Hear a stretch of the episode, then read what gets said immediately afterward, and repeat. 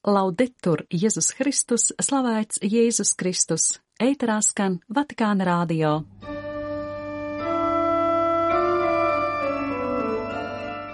Esiet sveicināti, dārgie klausītāji! Vatikāns publiskojas pāvesta Franciska darbības programmu martā. Ticības dāvana ir visvērtīgākā manta, ko neviens mums nevar atņemt Pirms 11 gadiem pāvests Benedikts 16. vadīja savu pēdējo vispārējo audienci.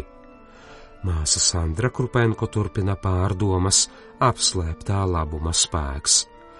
29. februāra raidījumu noklausīties aicina Jānis Vertovskis.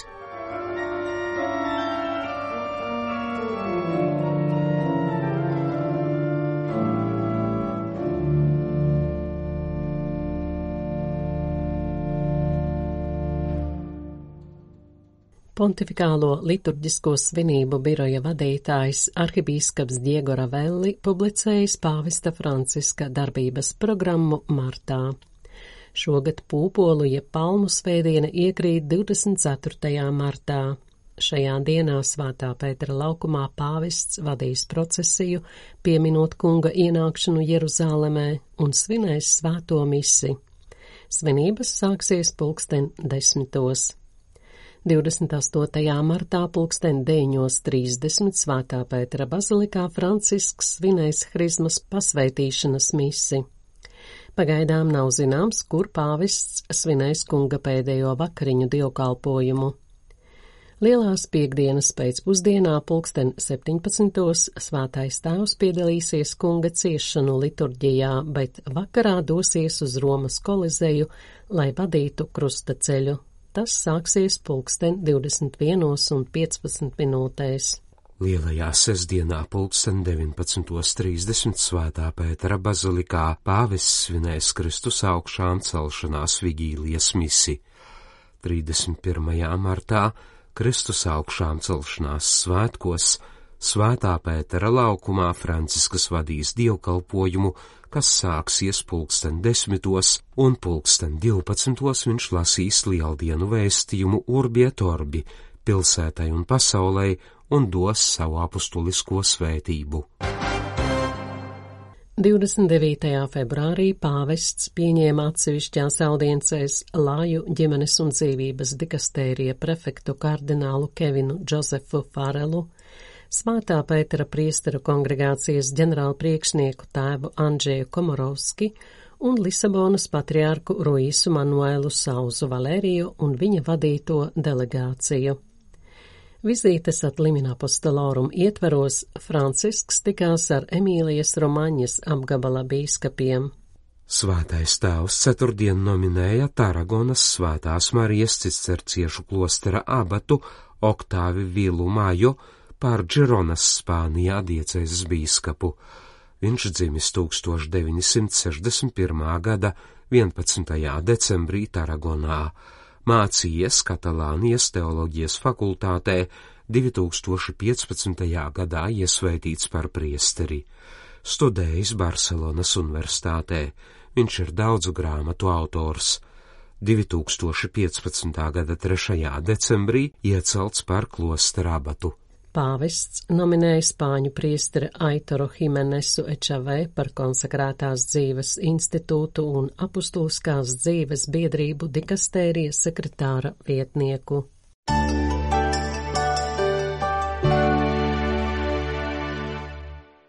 Aicinu visus uzticēties kungam, bērna paļāvībā atdot sevi dieva rokās. Gribu, lai katrs justos dieva mīlēts, un lai katrs priecājas par to, ka ir kristietis. Tā sacīja Benedikts 16. savas pēdējās vispārējās audiences laikā. Kopš tā laika ir aizritējuši tieši 11 gadi. Šie un citi viņa vārdi joprojām kalpo kā ceļa maize katram ticīgajam visā plašajā pasaulē. Pateicos jums, ka ieradāties uz mana pontifikāta pēdējo audienci tik kuplā skaitā, teica svētais tēvs. Viņš uzsvēra, ka ticības dāvana ir visvērtīgākā manta, ko neviens mums nevar atņemt. Pāvests pateicās Dievam un visiem, kuri pa šiem gadiem viņu dažādi atbalstīja. Viņš atgādināja, ka Dievs vada baznīcu, palīdz tai augt, sej savu vārdu un tādējādi dzīvina savas tautas ticību. Šajā brīdī plaši atplēstām rokām un atvērtu sirdi skauju baznīcu visā pasaulē, visus ietveru savās lūkšanās un novēlu kungam, sacīja svātais tēvs. Viņš apliecināja, ka dzīvo ar lielu paļāvību, jo apzinās, ka evaņģēlija patiesības vārds ir baznīcas spēka avots.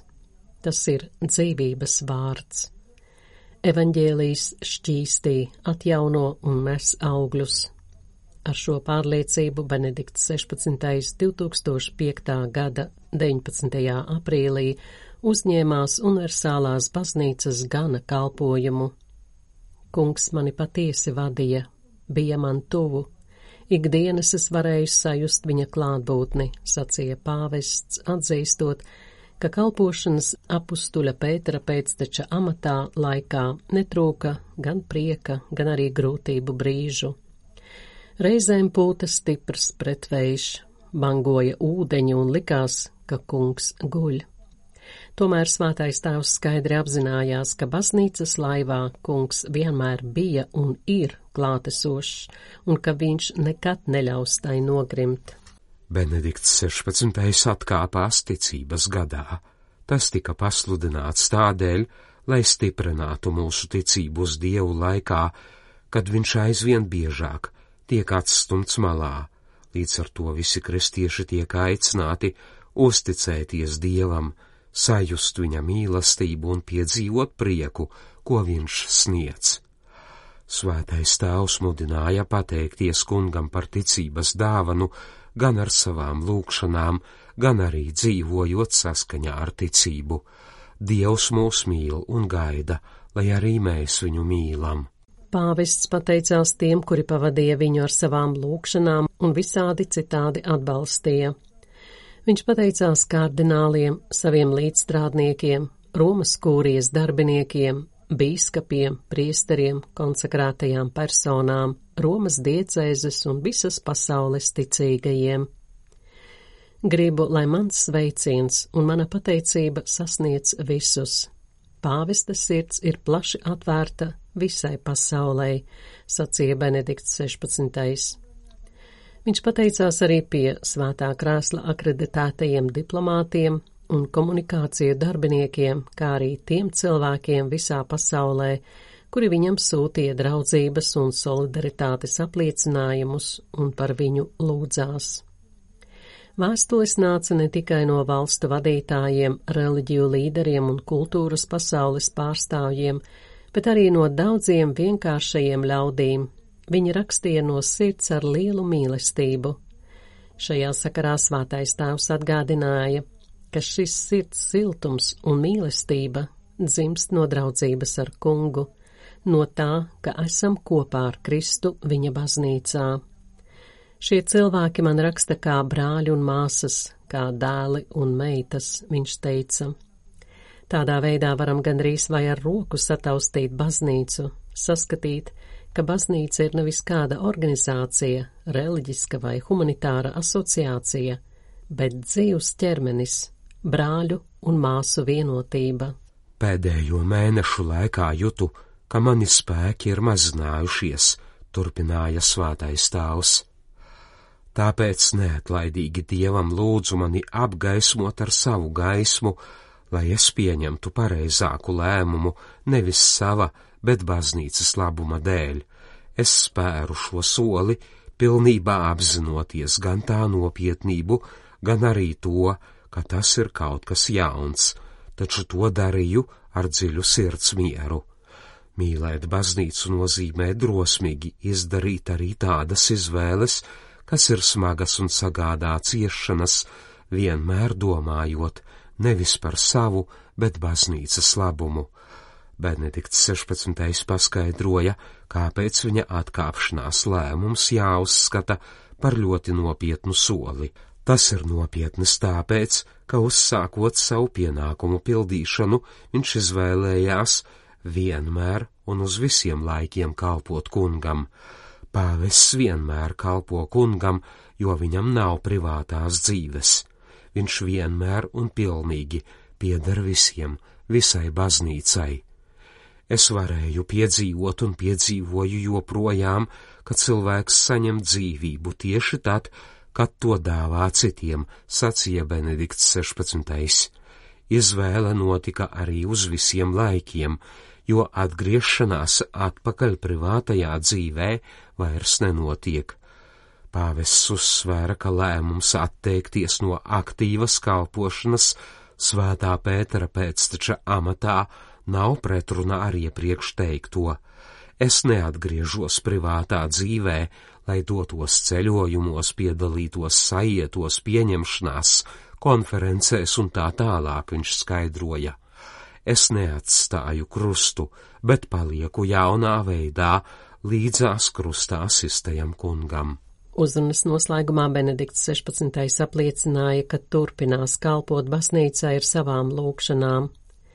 Kā redzējām, to viņš arī darīja līdz pat savai pēdējai dzīves stundai, kad 2022. gada 31. decembrī Dievs viņu aizsauca mūžībā. Savā pēdējā katehēzē pāvests aicināja ticīgos nekad neaizmirst to, ka Dievs vienmēr vada un atbalsta baznīcu, un ka viņš savā mīlestībā mājo līdzās katram no mums.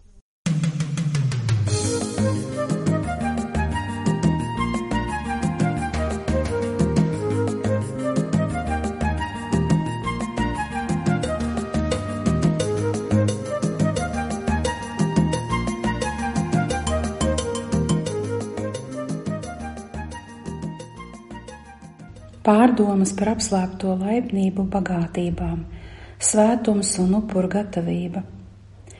Svētā Terēza no Avilas savā laikā bija teikusi, ka no tās dienas, kad viņa nolēma no visa spēka kalpot savam kungam un dievišķajam mierinātājam, viņa nepieredzēja nevienu īstu rūpi. Viena no viņas garīgajām meitām, Svētā Terēza no Lizjē, viņai piekrītot teica, ka no brīža, kad aizmirsa par sevi, sāka dzīvot pašu laimīgāko dzīvi, bet svētais Jānis Viannais domāja, ka mums ir jālūdz no krusta mīlestība, tad viņš kļūst salds. Pats Jānis Viannais to pieredzēja, kad tika apsmiets. Viņam tika krusts, kas bija tik smags, ka tikko spēja to pacelt. Tad viņš sāka krustam lūgt mīlestību un atrada laimi. Svētie tapa svēti, jo bija priecīgi, kad bija grūti palikt priecīgiem, pacietīgiem, kad bija grūti saglabāt pacietību, bija klusi, kad gribējās runāt, un laipni, kad vēlējās kliegt. Viņi devās uz priekšu, kaut labāk būtu palikuši savā vietā. Svētums ir sevis nestādīšana centrā un dāsnums. Grūti ir upurēties, taču varam stiprināt savu uzupurēšanos, ja esam stingri apņēmušies neiebilst Dievam, ja priecīgi pieņemam visu notiekošo, ko saucam par nepatīkamo, un krustus, ja nomērdējam savas kaislis, ja pateicamies Dievam par viņa pārbaudījumiem un lūdzam uzupurēšanās garu. Mūsu dvēseli var atrast atpūtu tikai Dievā, jo esam radīti Dievam Mūsu mīļās radības dod mums prieku tikai tik, cik mēs tās mīlam Dievā, kas savukārt ir viņu radītājs, jo tās skumst, ja tiek mīlētas bez Dieva. Cilvēki kļūdās domājot, ka būs laimīgi, izvairoties no savām ilgām un tikai apmierinot savas kaislas, jo šis ceļš ved uz rūgtumu, skumjām un pat bezcerību. Viņi meklē laimi sevī un citās radībās, taču tādi meklējumi ir tukši un veltīgi. Lūdziet Dieva žēlastību iemīlēt krustu, neņemot vērā savu iedzimto nepatiku pret krustu. Nopietni apņemieties pilnīgi nedomāt par sevi, bet tikai par to, kas derīgs Dievam un dvēselēm. Pacentieties atrast laimi, sniedzot to citiem. Sekojiet Kristus upurim, Mūsu kunga mīlestība mums rāda piemēru, kā dot upuru gatavu mīlestību savam tuvākajam, jo kungs saka, tas ir mans bauslis, lai viens otru mīlētu, kā es jūs mīlēju. Nav lielākas mīlestības kā dzīvību par draugiem atdot. Jūs būsiet mani draugi, ja darīsiet, ko es jums pavēlu. Sakošana Kristum ir lielākais tikums. Kristus mīlot dzīvoja mūsu vidū 33 gadus un staigāja, darot labu. Viņš labprāt ar mīlestību un bez spiediena upurējas mūsu labumam. Kristus iemīlēja mūs un deva par mums sevi kā upuri, turklāt kā smaržīgu upuri dievam. Kristus upuris iznīcināja grēka ļaunumu. Tēvs laipni pieņēma smaržīgo kalvārijas upuri. Mūsu kunga mīlestība pret mums ir bezgalīga. Lielākais mīlestības pārbaudījums ir nomirt par tiem, kurus mīlam. Jēzus taču deva par mums savu dzīvību. Vai bieži piekrītam radīt sev nērtības vai upurēties sava tuvākā labā? Ko tad runāt par vēlmi atdot par viņu savu dzīvību? No mums nevienmēr tiek prasīts atdot savu dzīvību, taču vienmēr būtu jādzīvo citu labā. Īstā tuvāk mīlestība ir dot to, kas esmu, nevis to, kas man ir. Jūsu tuvākajam nevajag daļu no jūsu naudas vai bagātību, viņš ilgojas pēc daļiņas no jūsu sirds. Mīlestība nevar dzīvot, ja nav pamatota ar sevis dāvināšanu, citiem vārdiem upurēšanos. Svētais Pāvils teica, katrs lai upurē, kā ir sirdī nolēmis, nevis žēlojot vai it kā piespiests, jo Dievs mīl līksmu devēju.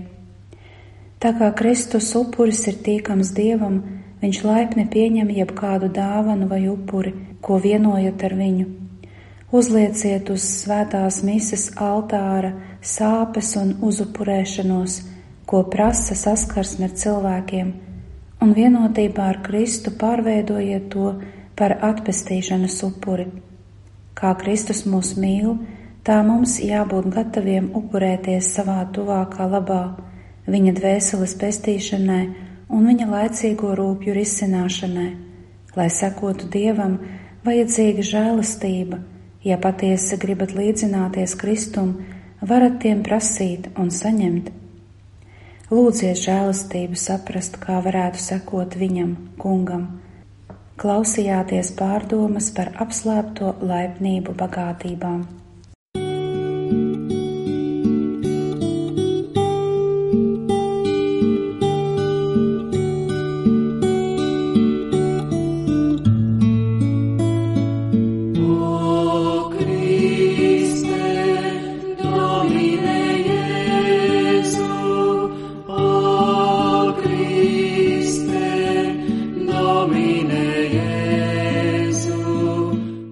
Vatikāna radio raidījums ir izskanējis slavēts Jēzus Kristus, laudētur Jēzus Kristus.